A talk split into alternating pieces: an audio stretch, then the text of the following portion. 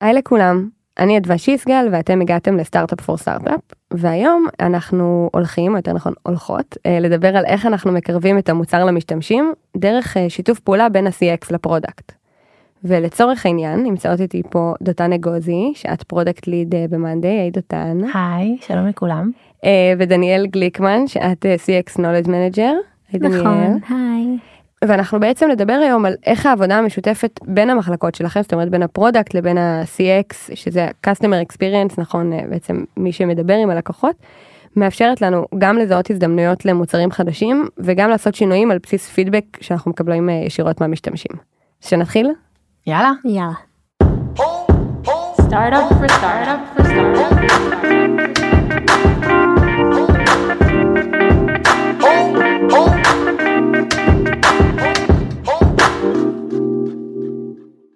אז ממש שנייה לפני שנתחיל, אה, בואו נסביר רגע מה בעצם התפקיד של CX במאנדיי, כי זה כן בסיס חשוב להמשך הפרק. אה, אולי אני יכולה להתחיל רגע מה... כאילו מההתחלה כזה. אה, כשהחברה היא קטנה וארגון שירות הלקוחות הוא קטן וגוף הפיתוח הוא קטן, אז כולם מכירים את כולם ולא צריך יותר מדי מניירות. כלומר, אני הולכת ושואלת את הבן אדם שאני יודעת שעונה על הטיקטים באותו אזור, ואנחנו מוצאים את הדרך לחלוק בינינו את הידע ואת ההבנות. אבל כש, כשגדלנו במאנדיי הבנו שכאילו מצד אחד יש ערימות של ידע שנמצא בשירות הלקוחות, אה, טיקטים על מה לקוחות מתלוננים, איזה בעיות הם חווים, ומצד שני אה, ה-R&D וה product מתחילים להתרחק, אנחנו בכלל לא מכירים את האנשים, אנחנו לא יושבים באותם מקומות, אנחנו, אנחנו פשוט לא מכירים את, ה, את היום יום של הלקוחות שלנו ואת התלונות, אנחנו לא רואים בכלל. ואז קם גוף שנקרא CX. שאלו אה, אנשים ממחלקת שירות הלקוחות שחלק משמעותי מהתפקיד שלהם הוא להיות ממש חלק מהצוות. יש אדם כזה עבור כל דומיין אה, ב monday שמבין מאוד מאוד טוב את התחום של אותו דומיין הוא ממש אה, חלק מהדומיין בחוויה שלנו אה, ומצד אחד יודע להסביר מאוד טוב למחלקת שירות הלקוחות את כל מה שצריך על הדומיין הזה ומצד שני יודע להביא ממחלקת שירות הלקוחות אלינו אל הדומיין את את אה, הלך הרוח ואת התלונות וכל מה שאנחנו נרצה בעצם לשמוע. אה, וזה ממש סוג של תפקיד שנוצר אה, עם ה scale ונותן לנו את היכולת לשמר את הקשר הזה שהיה כשהיינו קטנים בסקייל שאנחנו נמצאים בו. ומה קורה כשזה לא מתאפשר? זאת אומרת, מה הסכנה בלא לעבוד ביחד? אני חושבת שהעבודה המשותפת שומרת על קשר עם הלקוחות שלנו. יכולה להגיד שאני אה, לפני שעבדתי במאנדיי עבדתי בסטארט-אפ קטן והתחלתי שם בתור אה, CS אה, ולאט לאט עשיתי את את המעבר ל product ולכן החיבור הזה בין מה הלקוחות שלי חווים למה צריך במוצר היה מאוד מאוד טריוויאלי לי. וכשאתה עושה את תפקיד ה product בלי הנגיעה ב-CS אתה פשוט יכול להתרחק מהמשתמשים שלך. ממה הם חווים, מאיפה התסכולים שלהם, אה, מהיום יום שלהם, וזה בעצם איזושהי מסננת שמסננת לך רבדים שלמים מהמציאות של המשתמשים שלך, אם אתה לא מדי פעם עוצר ומסתכל גם עליה. אז הסיכון הוא בעצם בלהתרחק, להתרחק מהלקוחות. אוקיי, okay, ודניאל, מה מבחינתך, מבחינת ה-CX, ההזדמנות בעבודה המשותפת שלכן? וואי, מלא. אני חושבת שזה שיש עבודה משותפת גם כלפי ה-CX, אה, כלפי מי שמדבר עם הלקוחות, אה, אנחנו מקבלים מלא, אנחנו מקבלים את הידע, אנחנו מקבלים את, ה, את הקשר הישיר הזה למה קורה כל רגע במוצר ואנחנו יכולים לשקף את זה חזרה אל הלקוחות שלנו בסופו של דבר. זה מה שמעניין אותנו, אנחנו רוצים שללקוחות שלנו תהיה את החוויה הטובה ביותר אנחנו בעצם אחראים על לשפר להם את החוויה כמה שיותר אנחנו בקשר יומיומי איתם ובלי הקשר הזה ל product ככל שהמוצר גדל יהיה לנו יותר ויותר קשה לשמור על, על החוויה שלהם בצורה הטובה ביותר. אולי גם אפשר להוסיף לזה רגע שבסופו של דבר כשאנחנו בונים מוצר אנחנו אחראים לחוויה השלמה שלו. הרמה של השירות שהלקוח שלנו אה, מקבל היא מי ה... כמה מהר על הכפתור לוחץ ואם בכלל הבין שכדאי ללחוץ על הכפתור אבל גם איזה סוג של מענה הוא קיבל כשהוא לא הבין משהו. ולכן אני חושבת שלנו כ product יש גם אחריות במידה מסוימת על אה, חוויית השירות שהלקוח מקבל עד המענה בשירות לקוחות ושם אי אפשר להצליח בלי שיתוף פעולה אין איך לעשות את זה בלי שאנחנו בגדול מבינים ביחד את אותה תמונה אה, ומסוגלים להשלים אחד את השני כל אחד ביכולות המיוחדות שלו. האמת שזה אסימון שנופל לי ממש עכשיו כי אני מודה שכשכאילו נכנסנו להקלטה של הפרק ומהשיחות הכנה שעשינו אז כאילו היה לי מאוד שזה ברור לי מה ה product אה, יכולים להרוויח מזה, כן? כאילו ברור שבסוף כולנו יכולים להרוויח כי זה מדובר על חברה אחת. אבל מה למוצר יש להרוויח מעבודה משותפת, אבל פתאום אני אומרת, למה זה מאוד משמעותי גם לכם ב-CX? כי בסוף זה חוזר חזרה, מה- שלא יהיה שה product יעבדו עליו, חוזר חזרה אליכם ואתם תצטרכו בסוף לדבר עם לקוח שנמצא בצד השני. אז אם ה product רץ מהר על דברים שאתם לא ב loop שלהם, ואתם לא יודעים איך לתקשר, איך לתת את המענה הזה ל... בסוף למשתמש שנמצא בצד השני, אז עוד פעם, כמו שאמרת אותה, נראה לי כולם יוצאים מופסדים מהדבר הזה, כי החוויה ההוליסטית היא כאילו, החוויה השלמה פה היא לא טובה. זה כל כך נכון וגם אני יכולה להגיד שלפעמים בקשר יומיומי עם הלקוחות אתה ממש מרגיש את התסכולים אתה ממש מרגיש את הבלבולים שעולים ולפעמים אתה בלי הקשר הזה אתה מרגיש מאוד חסר אונים. אין לך מה לעשות עם מה, עם מה שעולה והקשר הזה כן מאפשר לנו גם להעלות את הבעיות האלה לזהות אותם ולעשות איזשהו אימפקט להביא את זה חזרה אל צוות המוצר כדי שנוכל לשפר את החוויה של הלקוח ולא רק לחוות אותו סוג של לחוות את התסכול יחד עם, ה, עם הלקוחות שלנו. אוקיי, אז הבנו את ההזדמנות, בואו נעבור לדבר על איך נראית העבודה המשותפת שלכם בפועל. בפועל ביומיום. אוקיי. אז כמו שאמרתי מקודם, קודם כל דניאל היא חלק מהצוות, כאילו ה planning, ה retro, ה daily, היא נמצאת בהם, היא חיה את צוות הפיתוח ולכן אנחנו ממש חיים ביחד, מבינים את הכאבים אחד של השני ביחד.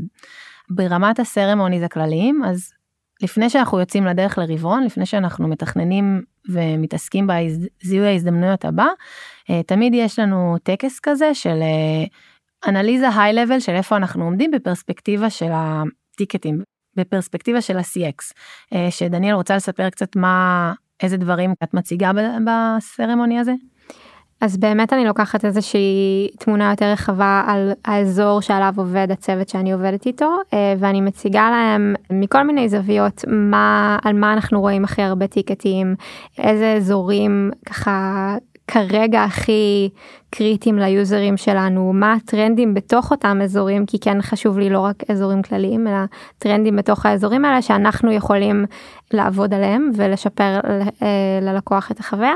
ואני גם משתדלת לכלול איזשהו action item שאולי אפשר להמליץ עליו או דיון על action items כדי שנוכל באמת לצאת עם משהו יותר קונקרטי. אז בעצם במהלך תהליך ה ideation וזיהוי ההזדמנויות זה עוד source שדניאל מביאה לשולחן כמו שאנחנו מסתכלים על, על data או בקשות מלקוחות גדולים או השוק אז גם זה עוד מקור שאנחנו ממש מסתכלים עליו לפני שאנחנו יוצאים לדרך אה, ובעצם אחרי שהחלטנו לאיזה כיוון אנחנו מתקדמים אז יש איזושהי עבודה משותפת על הבנה שאנחנו בדרך הנכונה. אה, לפעמים אה, דניאל יכולה לעזור לנו למצוא משתמשים שחוו בעיה ולדבר איתם, או למצוא לקוחות פוטנציאליים לאלפא ריליס, או בעצם כל החיבור עם הלקוחות שלנו, אה, דניאל היא ממש הגייטווי עבורנו, ותחשבו כאילו איזה פריבילגיה מדהימה זה לפי.אם, כאילו כמה עבודה זה באמת ללכת ולחפש את כל הלקוחות שהתלוננו לפורמולה, והם גם ב-US, והם גם אה, מעל אה, עשרה יוזרים, וגם מוכנים לדבר איתנו. כאילו בואו ריספקט לדניאל רגע. אמ, לקראת שלב הריליס אנחנו יושבים בעצם ביחד אה, לתעד את הפיצ'ר בעצם מוודאים שדניאל כגייטווי ל-CS מבינה עד הסוף את כל היכולות הלימיטציות מה זה בא לעשות מה זה כרגע יכול לעשות מה עוד אי אפשר לעשות איך זה מתנהג בשביל שאפשר יהיה לייצר אה, מסמכי דוקומנטציה בשביל ש-CS יוכלו לענות על שאלות בדקה אחרי שרילסנו אה, ובשביל פשוט שיהיה שיהיה את הידע וממש ניהול ה release קורה ביחד אה, ביחד איתה. כלומר אנחנו יוצאים באיזשהו gradual release ואז יש לנו monitoring על זה שאין איזשהו חיכוך מוגבר ש, שמגיע מהלקוחות כמו גם סיגנלים אחרים אבל זה ב, בהקשר הזה.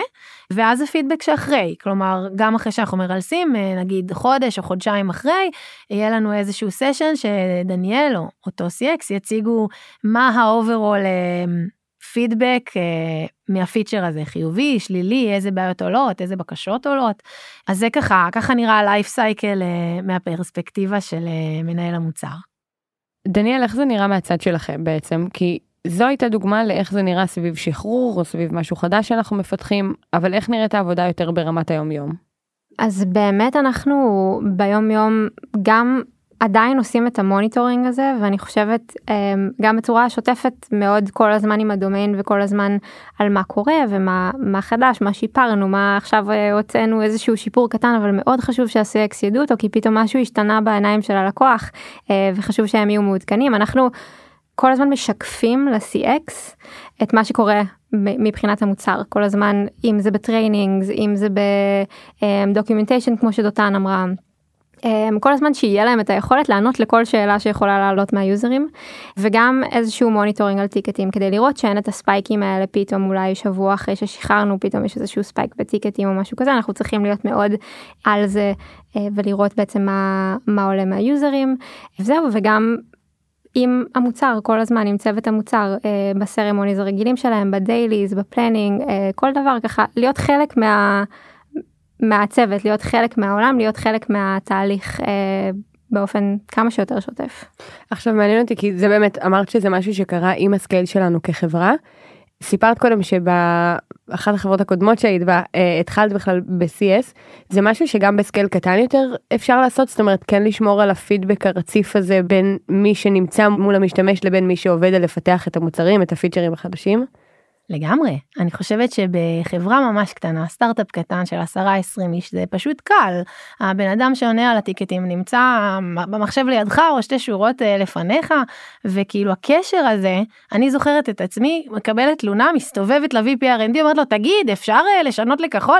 כאילו, זה הרבה יותר אה, פשוט ומיידי. וכשגדלים, אני חושבת שהאתגר פשוט גדל, פיזית מתרחקים, כבר לא מכירים, כבר הבעיות הן אחרות, ו- ואז צריך כאילו להמציא מחדש את הפרוסס הזה, אבל בטח ובטח שבארגון קטן, האנשי שירות הלקוחות הם הפרונט ליין שלנו מול הלקוח, הם יודעים ומכירים את הכאבים שלהם ממש ב... במילים שבהם הם משתמשים. הרבה יותר משמעותי לי כמנהלת מוצר לקרוא ממש את המילים שהבן אדם אמר ומה הוא תיאר על מה שהוא חווה ועל למה הוא חווה את זה ולא איזה digest ברמה שביעית של של האמירות האלה של כאילו תוסיפו את היכולת אה, ללחצן ימני. כאילו אבל אני יכולה להבין איך נניח דניאל מהצד שלך בסוף בתור מי שפוגשת את הלקוח יש את מקבלת פתאום הרבה תלונות הרבה פידבקים על משהו הרצון הוא להציף אותם. מצד שני מול זה נמצא product כאילו חשבתי על זה שאמרת אני הייתי מסתובבת ל-R&D ול-VP R&D ואומרת לו איך שומרים על פוקוס בתוך הדבר הזה כי בסוף הרצון הוא מן הסתם לתת למשתמשים מענה על כל אחד מהדברים שלא עובדים להם. מצד שני הדבר הזה צריך להתכנס בסוף לאיזשהו roadmap של החברה, לאיזשהו פוקוס ששומרים עליו, אז כאילו איך אתם בעבודה המשותפת ביניכם, איך כן שומרים על, על פוקוס בדבר הזה? שאלה טובה. אני חושבת שכן נכנסות פה, נכנסת פה אנליזה של data ו, ובאמת מציאת טרנדים ולא כל תלונה שעולה. זה גם משהו שחייבים לעשות עם ה scale כי פעם באמת כמות הטיקטים הייתה מאפשרת לתת תשומת לב לא לכל תלונה אבל באמת להרבה דברים שעולים ודותן הזכירה לי שלפני מה, שלוש שנים אה, שהצטרפתי לחברה אם, אם הייתה לי שאלה על המוצר הייתי חוצה את המסדרון למפתחים והייתי שואלת אותם את אותה שאלה. אה, ובאמת היום כשזה מתרחק אנחנו תלויים ביותר אנליזה מעמיקה של הדאטה אה, שזה מה שאנחנו עושים ביום יום. ומציאת הטרנדים שעולים יותר ויותר שעליהם אנחנו יכולים להגיד זה ייתן impact משמעותי ל users שלנו. אה, זו בעיה שעולה בכמות כזאת מסוימת של users ואם נפתור להם אותה נשפר להם את חוויית המוצר בצורה משמעותית. אז באמת המציאה של הטרנדים האלה שישפרו את, ה, את החוויה של ה user אה, ויורידו ל-CX את מספר הפניות שהם מקבלים גם. ואיך זה אצלכם דותן כאילו איך אתם בסוף אתם מקבלים את זה אבל גם אתם צריכים לקבל החלטה של מה אנחנו מתעסקים בו עכשיו מה אנחנו מתעסקים בו אחר כך מה אולי הוא חשוב אנחנו לא הולכים להתעסק בו בכלל. אז אני חושבת שזו שאלה שקשורה גם בשלב אה, של ארגון אני מניחה שארגון בתחילת דרכו או שהוא מאוד אה, b2b ינטה מאוד מאוד לתנודות האלה שמגיעות מהלקוחות ועם המצ'וריטי אולי אה, דברים קצת משתנים. אני חושבת שזו שאלה של אה, גם של סטנדרטים כשאנחנו מגדירים שאנחנו רוצים להיות מוצר בקואליטי גבוה אה, כזה שכשלקוח מנסה לעשות משהו הוא מצליח להשלים את הפעולה שהוא רצה אז אה, אפשר מאוד בקלות ללכת ולזהות מה המקומות שבהם יש היום חיכוך ו- ולפתור אותם. האתגר באמת קורה כשהפוקוס נמצא במקומות אחרים. אני כצוות עכשיו עובדת על פרויקט מאוד גדול של אה, בנייה של פיצ'ר חדש ובמקביל עולים הקולות האלה. ואז נכנסת הדילמה ה, כאילו הרגילה של מנהלי מוצר של תעדוף. אה, האם לעשות את זה עכשיו, כמה זה חשוב עכשיו אל מול דברים אחרים, למה, מה ההזדמנות פה בכלל. אני חושבת שהרבה פעמים אנחנו, קל לנו אה, להסתכל על ההזדמנויות החדשות, על הדברים החדשים, וה-CS הם גורם שכל הזמן מזכיר לנו את הדברים הקיימים, לא נותן לנו אה, אה, להרפות מהם וזה טוב. כי בסוף הם מה שהלקוחות שלנו חווים אה, היום. אז שם יש מתח, אני לא אגיד שזה, שזה פשוט וקל, אני חושבת שכן מצאנו כל מיני מתודות לעזור לעצמנו לתעדף בתוך הבלגן הזה. כאילו גם יש עניין של טרנדים אם פתאום יש איזה עלייה משוגעת ב... כאילו ממש ספייק של תלונות באזור מסוים אה, שזה לא באג המערכת לא עובדת לי אבל באמת חיכוך חוסר הבנה אה, הרבה פעמים זה יקרה משינויים במוצר או איזושהי רגרסיה שהיא לא באג אבל היא פשוט יוצרת בעיה וזה ש... CX באים ואומרים תקשיבו יש פה איזשהו טרנד שהוא לא אופייני עוזר לנו לתת לזה בעצם אה, עדיפות. ואני חושבת שדבר שני שאנחנו עושים יחסית טוב זה להצליב בין כמויות התלונות לכמויות השימוש. כאילו כשיש פיצ'ר בריץ' נורא נורא גבוה ועם הרבה בעיה נורא נורא קל לתעדף. אבל גילינו דרך מגניבה להסתכל על, ה, על המידע שנתנה לנו פתאום פרספקטיבות אה, אחרות לדברים. בעצם היה שלב שניסינו להצליב בין עבור כל פיצ'ר כמות התלונות ביחס לכמות השימוש. אה, וככה הצלחנו להציף למעלה מוצרים שהם יחסית בשוליים שלנו שלא כאילו אנחנו לא כל כך בתשומת לב עליהם כי הם לא כאלה בשימוש אבל מצד שני יש איתם המון חיכוך כאילו אל מול כמה שמשתמשים בהם יש המון תלונות וזה עזר לנו ככה לזהות אזורים שהם קצת untapped אנחנו לא כל כך מתעסקים בהם ביום יום אבל הם מייצרים בעיה ורעש ובמידה מסוימת זה לא הגיוני שהם מייצרים כזה רעש ושם זה היה כלי שפתאום. הרגשנו שהוא נותן לנו עוד איזושהי זווית מעניינת על המידע ויכולת תעדוף. יש לך אה, דוגמה למשהו כזה שנתקלנו בו? כן. אז נגיד הסתכלנו אחד הרכיבים המרכזיים במערכת זה זה קולומים בעצם היכולת לבנות ב, בתוך בורד אה, לבנות את התהליך עבודה שלך עם כל מיני קולומים. ואז הסתכלנו על כל הקולומים איזה אחוז מהמשתמשים משתמשים בהם וכמה תלונות יש עליהם וחילקנו. וראינו שהסטטוס קולום הוא קולום שנמצא מאוד מאוד מאוד בשימוש זה כזה דרופ דאונים צבעים למי שאולי לא מכיר אמ, ויש עליו מעט מאוד תלונות כאילו בסך הכל ה-UX שלו מאוד ברור החוויה שלו מאוד ברורה פשוט מצליחים להשתמש בו. ולעומת זאת ראינו שיש לנו time tracking column שזה column יותר אה, נישתי שבא לענות על הצורך של תיעוד אה, התחלה וסוף של אה, זמן עבודה כזה. ושם משתמשים בו אחוזים בודדים מה, מהמשתמשים של המערכת ויש אחוז מאוד מאוד מאוד גבוה של מתלוננים. אה, וזה עזר לנו להבין ש... בשיחות הרגילות של RICE, של כזה reach ו impact, זה אף פעם לא הצליח לעלות ברדאר שלנו, אבל כשהסתכלנו על זה בפריזמה של כמה חיכוך זה מייצר עבור התת אוכלוסייה שמשתמשת בזה, הבנו שכאילו עבור אותם אנשים הם מקבלים מאנדיי לא טובה. הם מקבלים מוצר שהוא לא הסטנדרטים שאנחנו מעוניינים בהם, וככה הצלחנו להציף למעלה משהו ש... שהוא ממש החיבור בין המוצר, השימוש והפידבק מהמשתמשים. אני רק רוצה להוסיף משהו למה שדותן אמרה, אה, משהו שאני למדתי בעבודה המשותפת. פעם באמת הייתי מסתכלת אה, על ה data כסוג של data נקייה והייתי מביאה מתוכה למוצר. אה, אז הייתי לוקחת נגיד פיצ'ר שהיינו מקבלים עליו הרבה tickets אבל הוא באמת לא היה בתשומת לב של הצוות של צוות המוצר באותו רגע וזה היה מאוד מתנגש עם ה priorities ולפעמים אין מה לעשות זאת אומרת אם אנחנו אם אין לנו כרגע את תשומת לב על המוצר הזה מאוד קשה לעשות shift טוטאלי ולעבוד על מוצר שאנחנו גם יודעים שצריך להתחיל אותו מההתחלה בערך. למדתי לעבוד ביחד איתם ולהבין על מה התשומת לב שלנו כרגע ומה אני יכולה להביא לתוך אותה תשומת לב. אה, זה ממש גם עזר לעבודה המשותפת ושאותו אותו תהליך אה, VOC voice of customer נכנס לתוך תהליך הפיתוח ומשתלב יחד עם הדרך של צוות הפיתוח. כי זה בעצם עובד דו צדדי נכון גם את תיארת קודם משהו רבעוני שאתם נגיד פעם ברבעון מוצאים איזשהו דוח ואז אתם זאת אומרת באופן אה, יותר אקטיבי כאילו יזום אתם מוציאים משהו שה... אה, בשביל לתת ל product שיסתכלו אבל גם אני רואה שזה קורה הפוך שאתם מדברים על איזשהו משהו שאתם הולכים לפתח ובואו תחפשו לנו עכשיו איזה טרנדים יש באזור הזה שאנחנו נדע במה כדאי להתמקד או שמה אסור שנפספס פה. יש לכם איזה דוגמה שעולה לכם בהקשר הזה? אני חושבת שהעבודה המשותפת על ה formula הייתה כזו. בעצם אה, יש לנו column של אה, formula שמאפשר קצת כמו באקסל לעשות אה, פורמולות. וידענו שאנחנו רוצים לעבוד עליו, הוא יכולת שהופך את המערכת להרבה יותר רובסטית וניסינו להבין מה כאילו מה אנחנו רוצים לעשות שם והיה לנו כל מיני רעיונות כמו להפוך את הממשק של העריכה של הפורמולה ליותר נוח יותר אינטואיטיבי ודברים כאלה. ובעצם הבקשה שלנו ל-CX הייתה בבקשה תלכו ותעזרו לנו להבין מה ה-vest majority של התלונות על מה על מה אנשים שואלים מה אנשים לא מבינים איפה הבעיות.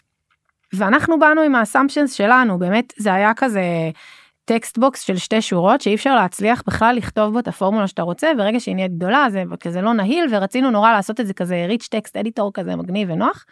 והפידבק שהם הביאו היה ממש אחר. כאילו פתאום אה, היו שאלות הרבה יותר ראשוניות מה אני יכול לעשות עם הדבר הזה בכלל. אני רוצה לעשות אה, פורמולה כמו באקסל זה עובד כמו באקסל כאילו שאלות ממש ממש ראשוניות או שאלות על התת אה, פקודות שאפשר להכניס בפנים נגיד. ואז הבנו שאנחנו בכלל צריכים שאיכשהו המוצר שלנו יסביר את עצמו בצורה הרבה יותר טובה ושאין לנו המון אה, זמן אה, להשקיע בזה. ועשינו שם כזה בסופו של דבר הוספנו ביחד עם CX לינק שאומר אה, לא בטוח אה, איזה פורמולה אתה רוצה לבנות בוא תיקח מתוך מאגר הפורמולות שלנו שהפנה ל article ב help center שלנו עם 100 פורמולות נפוצות שאנחנו יודעים שאנחנו עונים ללקוחות בטיקטים אה, כשהם שואלים אותנו איך עושים. והדבר הזה הפחית באופן דרמטי את הטיקטים שקיבלנו כאילו ממש הוריד ב-80% את הטיקטים של לקוחות ששואלים אני לא מבין בכלל איך ובסוף זה ממש פרי של העבודה המשותפת הזאת שמעלה את הסיגנלים משני הצדדים ומפקסת על איפה בדיוק בדיוק הבעיה נמצאת. אני חושבת שזאת באמת דוגמה מעולה לזה שהרבה פעמים גם אנחנו אם אנחנו מקבלים פידבקים על משהו שחסר במוצר משהו שלא ברור במוצר. המחשבה הראשונית היא לשנות את המוצר אבל לפעמים רק להבהיר את המוצר לתת ליוזרים את היכולת לגשת לתשובה או לראות את התשובה יותר ממש עוזרת לחוויית הלקוח ומורידה את מספר הפניות שאנחנו מקבלים באופן דרסטי.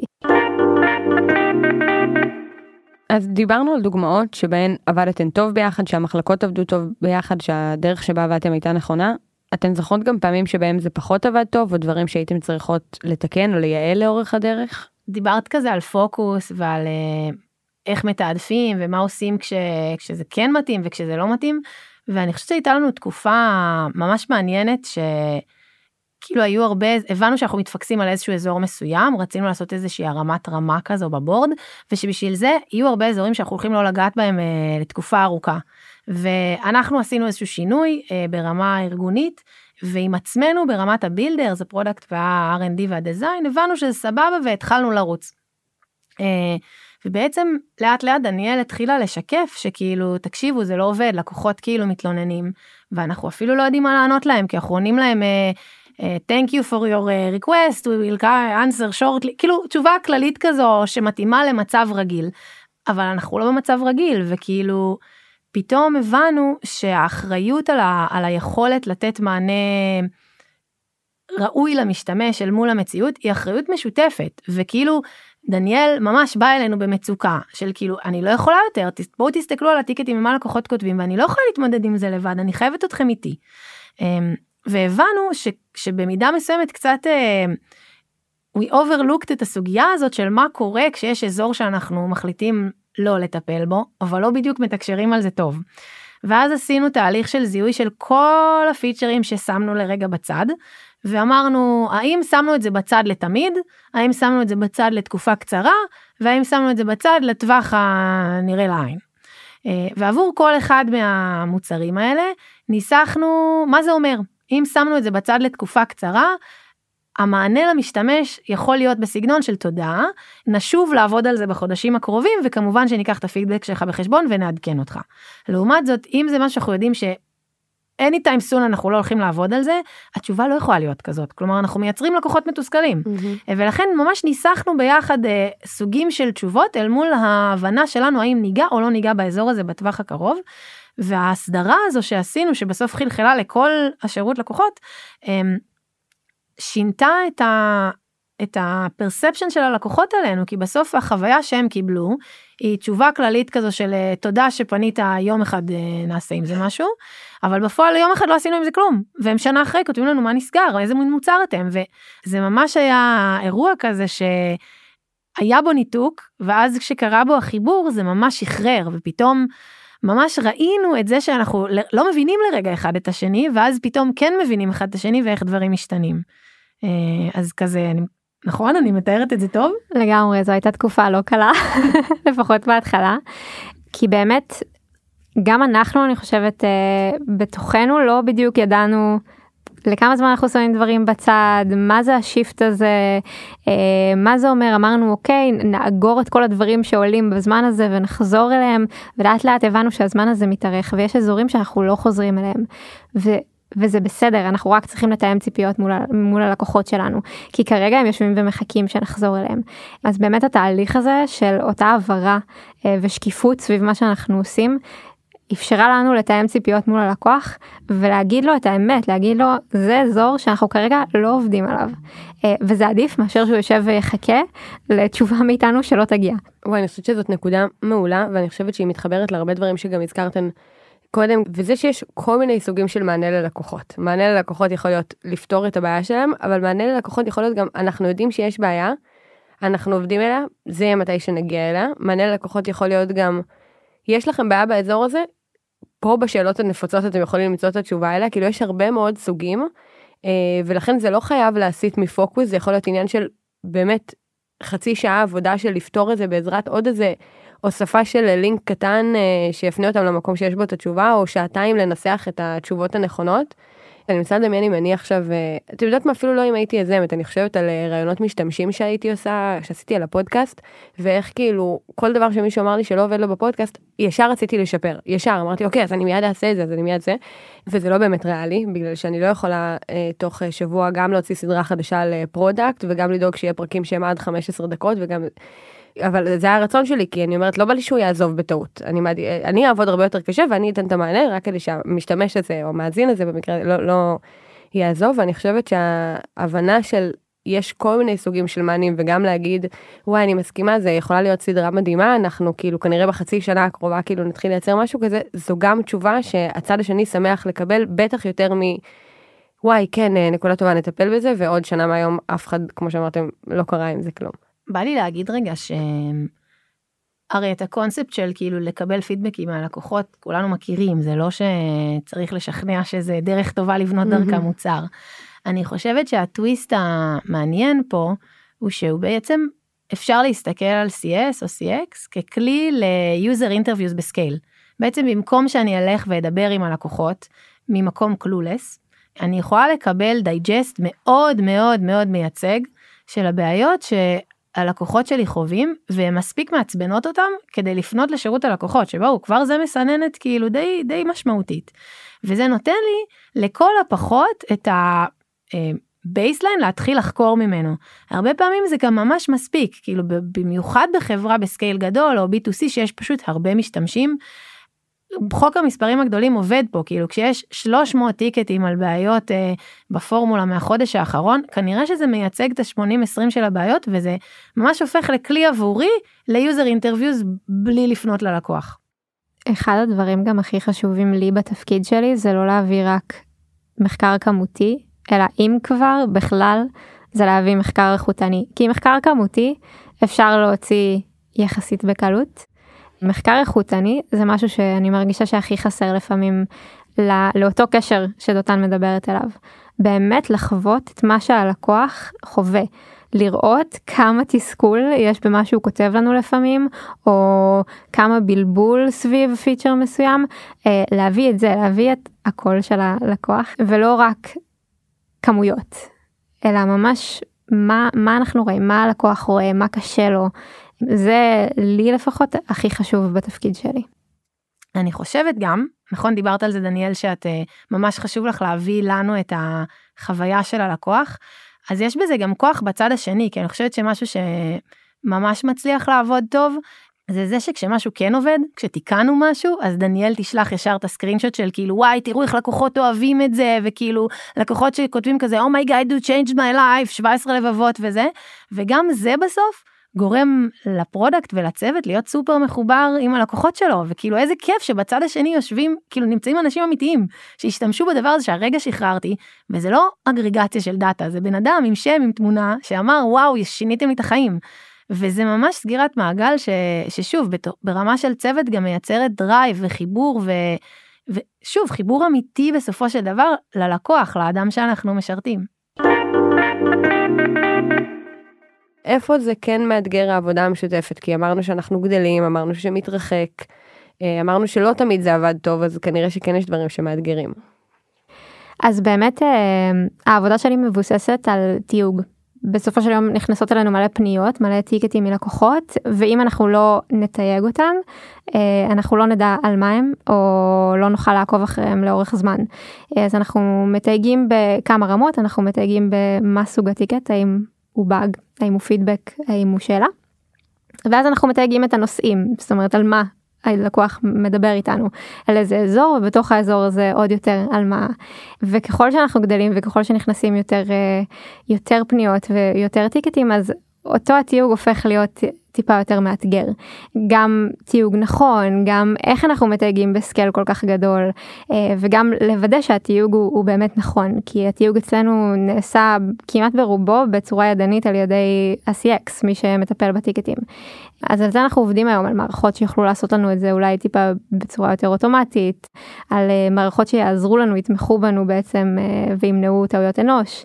כי בסופו של דבר בשביל להביא לדותן את ה data שהיא צריכה, אני צריכה שאותה data תהיה מתויגת. אני צריכה לדעת בלי לקרוא כל טיקט וטיקט כי יש אלפי טיקטים אם לא עשרות אלפי טיקטים אמ, אני צריכה לדעת אם היא רוצה עכשיו לשאול אותי על אזור מסוים אני צריכה לשלוף את אותו האזור ובשביל לשלוף את אותו האזור אני צריכה שאותו הטיקט יהיה מתויג נכון על האזור הזה.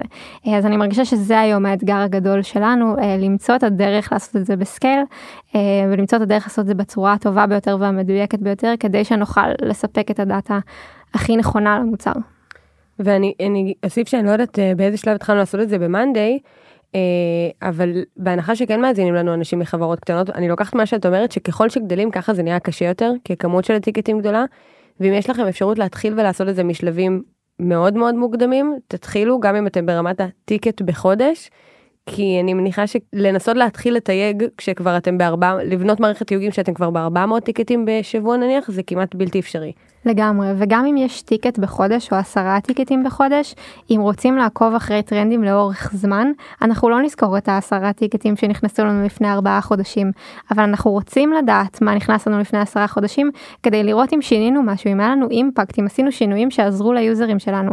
אז לתייג את אותם עשרה טיקטים חודש אחרי חודש, יעזור לנו לראות טרנדים ושינויים בצורה הרבה יותר משמעותית. נתן, מה מאתגר מהצד שלך? אני רשמתי לי תוך כדי שדיברתן, אה, אני חושבת שיש שני אספקטים אה, שהם מאתגרים. אחד, זה כאילו במידה מסוימת להיפרד מהעבודה הזאת בידיים. כ product, אני יודעת להגיד שכשהייתי בחברה קטנה, אה, עשיתי את העבודה הזו בידיים שלי. נכנסתי לזנדסק וחיפשתי טיקטים שאומרים בהם פורמולה וקראתי את המאה טיקטים עד שהבנתי. וזו, וזו הייתה מתודת ההבנה שלי, כלומר להבין דרך לעשות את זה בידיים שלי. ופה יש איזשהו תהליך של ניתוק שהוא הכרחי, כי אני אפילו לא יודעת מה התיוגים, כאילו אין לי דרך לצרוך את המידע הזה, אין לי גישה אה, לזנדסק. ואני צריכה לרכוש את המיומנות, להבין את. כאילו לסמוך על CX, להבין את מה שהם אומרים דרך ה digest שהם עושים לי, אה, ולייצר איזשהו פרוטוקול עבודה שהוא שונה ממה שאני רגילה אה, לעבוד בו, ואני רואה את זה קורה עם כל PM שמגיע אלינו מחברה קטנה. בעצם רגילים לעשות את זה בעצמם וצריכים להתרגל לעולם החדש שבו מישהו אחר עושה את זה, והם סומכים עליו, אה, וזה קשה. והדבר השני הוא אתגר שאני חושבת שמאפיין עבודה עם כל סטייק הולדר או עם כל מחלקה. בעצם אתגר של רתימה ושל uh, הבנת מערכת השיקולים של מישהו אחר. אני חושבת שהרבה פעמים uh, הקשיים של CX הם אחרים מהקשיים שלנו והסיטואציה שהם נמצאים בה היא אחרת. אה, לדוגמה, יש תקופות בשנה שפתאום יש המון טיקטים, וכל האנשים ב-CX פתאום צריכים להפסיק את העבודות offline שלהם ולענות רק על טיקטים.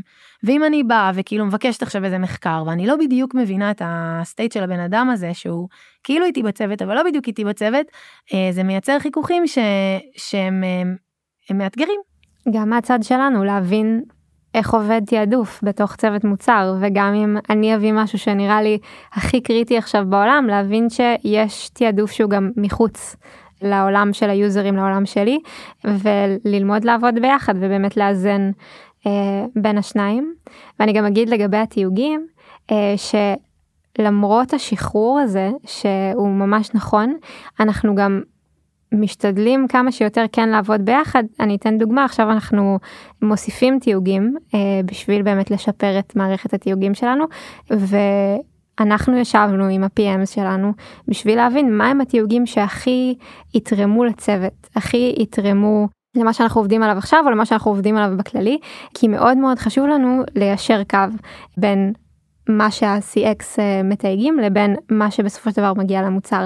סתם אם הוספנו עכשיו אה, יש לנו את אה, עולם הדוקס נגיד והוספנו לזה עכשיו עוד פיצ'ר בתוך הדוקס מאוד חשוב לנו שיהיה תיוג על הפיצ'ר הזה כדי שנוכל להתחיל לעקוב אחרי טיקטים שנכנסים אליו או דברים כאלה אז אנחנו יושבים יחד עם המוצר ואנחנו חושבים על איזה תיוגים יכולים הכי לתרום גם להם. אנחנו מתקרבות לסיום ורגע לפני אה, בין אם מאזינים לנו עכשיו product managers אה, שעושים את זה לבד או עובדים עם CX ים אבל באמת רוצים לוודא שהם נשארים קרובים למשתמש. או בין אם זה CX או מישהו שעובד מול לקוחות ורוצה לתקשר את המידע שלו בצורה טובה לאנשי המוצר בחברה יש לכם טיפים בשבילם? אה, אני חושבת ש... לא יודעת אם זה טיפ אבל אני יכולה להגיד שמבחינתי אנשי ה-CX או ה-CS הם אלה שמכירים הכי הכי טוב את המשתמשים שלנו וכאילו לייצר לעצמך חבר ממש טוב במחלקת ה-CX זה כנראה אה, אחלה דרך אה, להתחיל להתקרב אליהם. אה, אני יכולה להגיד שאני תמיד אוהבת לעשות איזה יום בחיי ולשבת ולענות על טיקטים ולראות איזה סוג של כאילו איך בכלל הדבר הזה נראה. אז זה כזה אולי הטיפ שלי. מעולה. Uh, הטיפ שלי זה באמת uh, אני מגיעה מעולם ה-CX, אה, ו... אבל עברתי לתפקיד שחי בין שני עולמות. ובשבילי הדבר הכי חשוב היה להיות כמה שיותר חלק גם מהעולם שאני לא מגיעה ממנו. ובגלל זה אני אגיע לכל ישיבה שאני אוכל להיות בה, ואני אחיה את היום יום שלהם, כדי שאני אוכל להשלים על הפער הזה, שלא באתי מהעולם הזה, אבל אני יודעת כל דבר ודבר שקורה בצוות כרגע כדי שאני אוכל לעשות את התפקיד שלי בצורה הטובה ביותר כדי שאני אוכל לתווך בין אותם שני עולמות. אז הטיפ שלי הוא באמת לזרוק את עצמך גם לעולם השני כמה שיותר. מהמם ואני חושבת שזה גם מה שאני אה, לוקחת אה, מהפרק הזה אני חושבת שבטח ככל שהחברה גדולה אה, המחלקות מתרחקות לכל מחלקה יש את ה-KPI שלה שהיא רוצה לעמוד בו ואולי לפעמים אה, הולך לאיבוד העניין הזה שבסוף בסוף הדבר הזה יש איזושהי חוויה שלמה של משתמש בקצה אה, ויותר משיש את ה-KPI שלך דניאל שאת רוצה לעמוד בהם ואת ה-KPI שלך דותן שאת רוצה לעמוד בהם יש משתמש אנחנו רוצים שיצליח להשתמש במוצר שלנו אה, ואיך כאילו על ידי באמת רגע ישיבה וחשיבה של איך מחלקות שקשורות אחת לשנייה יכולות לעבוד ביחד אפשר לשפר את החוויה הזאת בצורה מדהימה. אני גם uh, לוקחת מזה הרבה דברים באמת לעבודה שלי לעבודה שלנו uh, בצוות בסטארט-אפ פור סטארט-אפ אנחנו מעט אנשים אז את זה שכולם עושים הכל ויחסית כולנו באים בממשק עם המשתמשים וקורה הרבה שמישהו אומר לי משהו לאתר אז אני רוצה להגיד לדרור שמוביל את האתר תקשיב קיבלתי את הדבר הזה בוא ישר נשנה את זה. אז זה גם גורם לי לחשוב הרבה על איך אנחנו מייצרים מאגר ידע יותר נכון ו- ותעדוף uh, אז, אז גם אני למדתי הרבה מאוד מהפרק הזה. אה, וזהו וממש אה, שנייה לפני שנסיים אני אזכיר שאם יש לכם אה, שאלות לדותן או לדניאל אז אפשר או אלינו אז אפשר לשאול אותן באתר שלנו או בקהילה ואם אתם רוצים לדעת כל פעם שיוצא פרק חדש אז אפשר לעקוב אחרינו בכל אחת מהאפליקציות. ותודה דותן ותודה דניאל היה ממש כיף. תודה אדווה. תודה רבה. ותודה לכם שהאזנתם. Startup for startup for startup.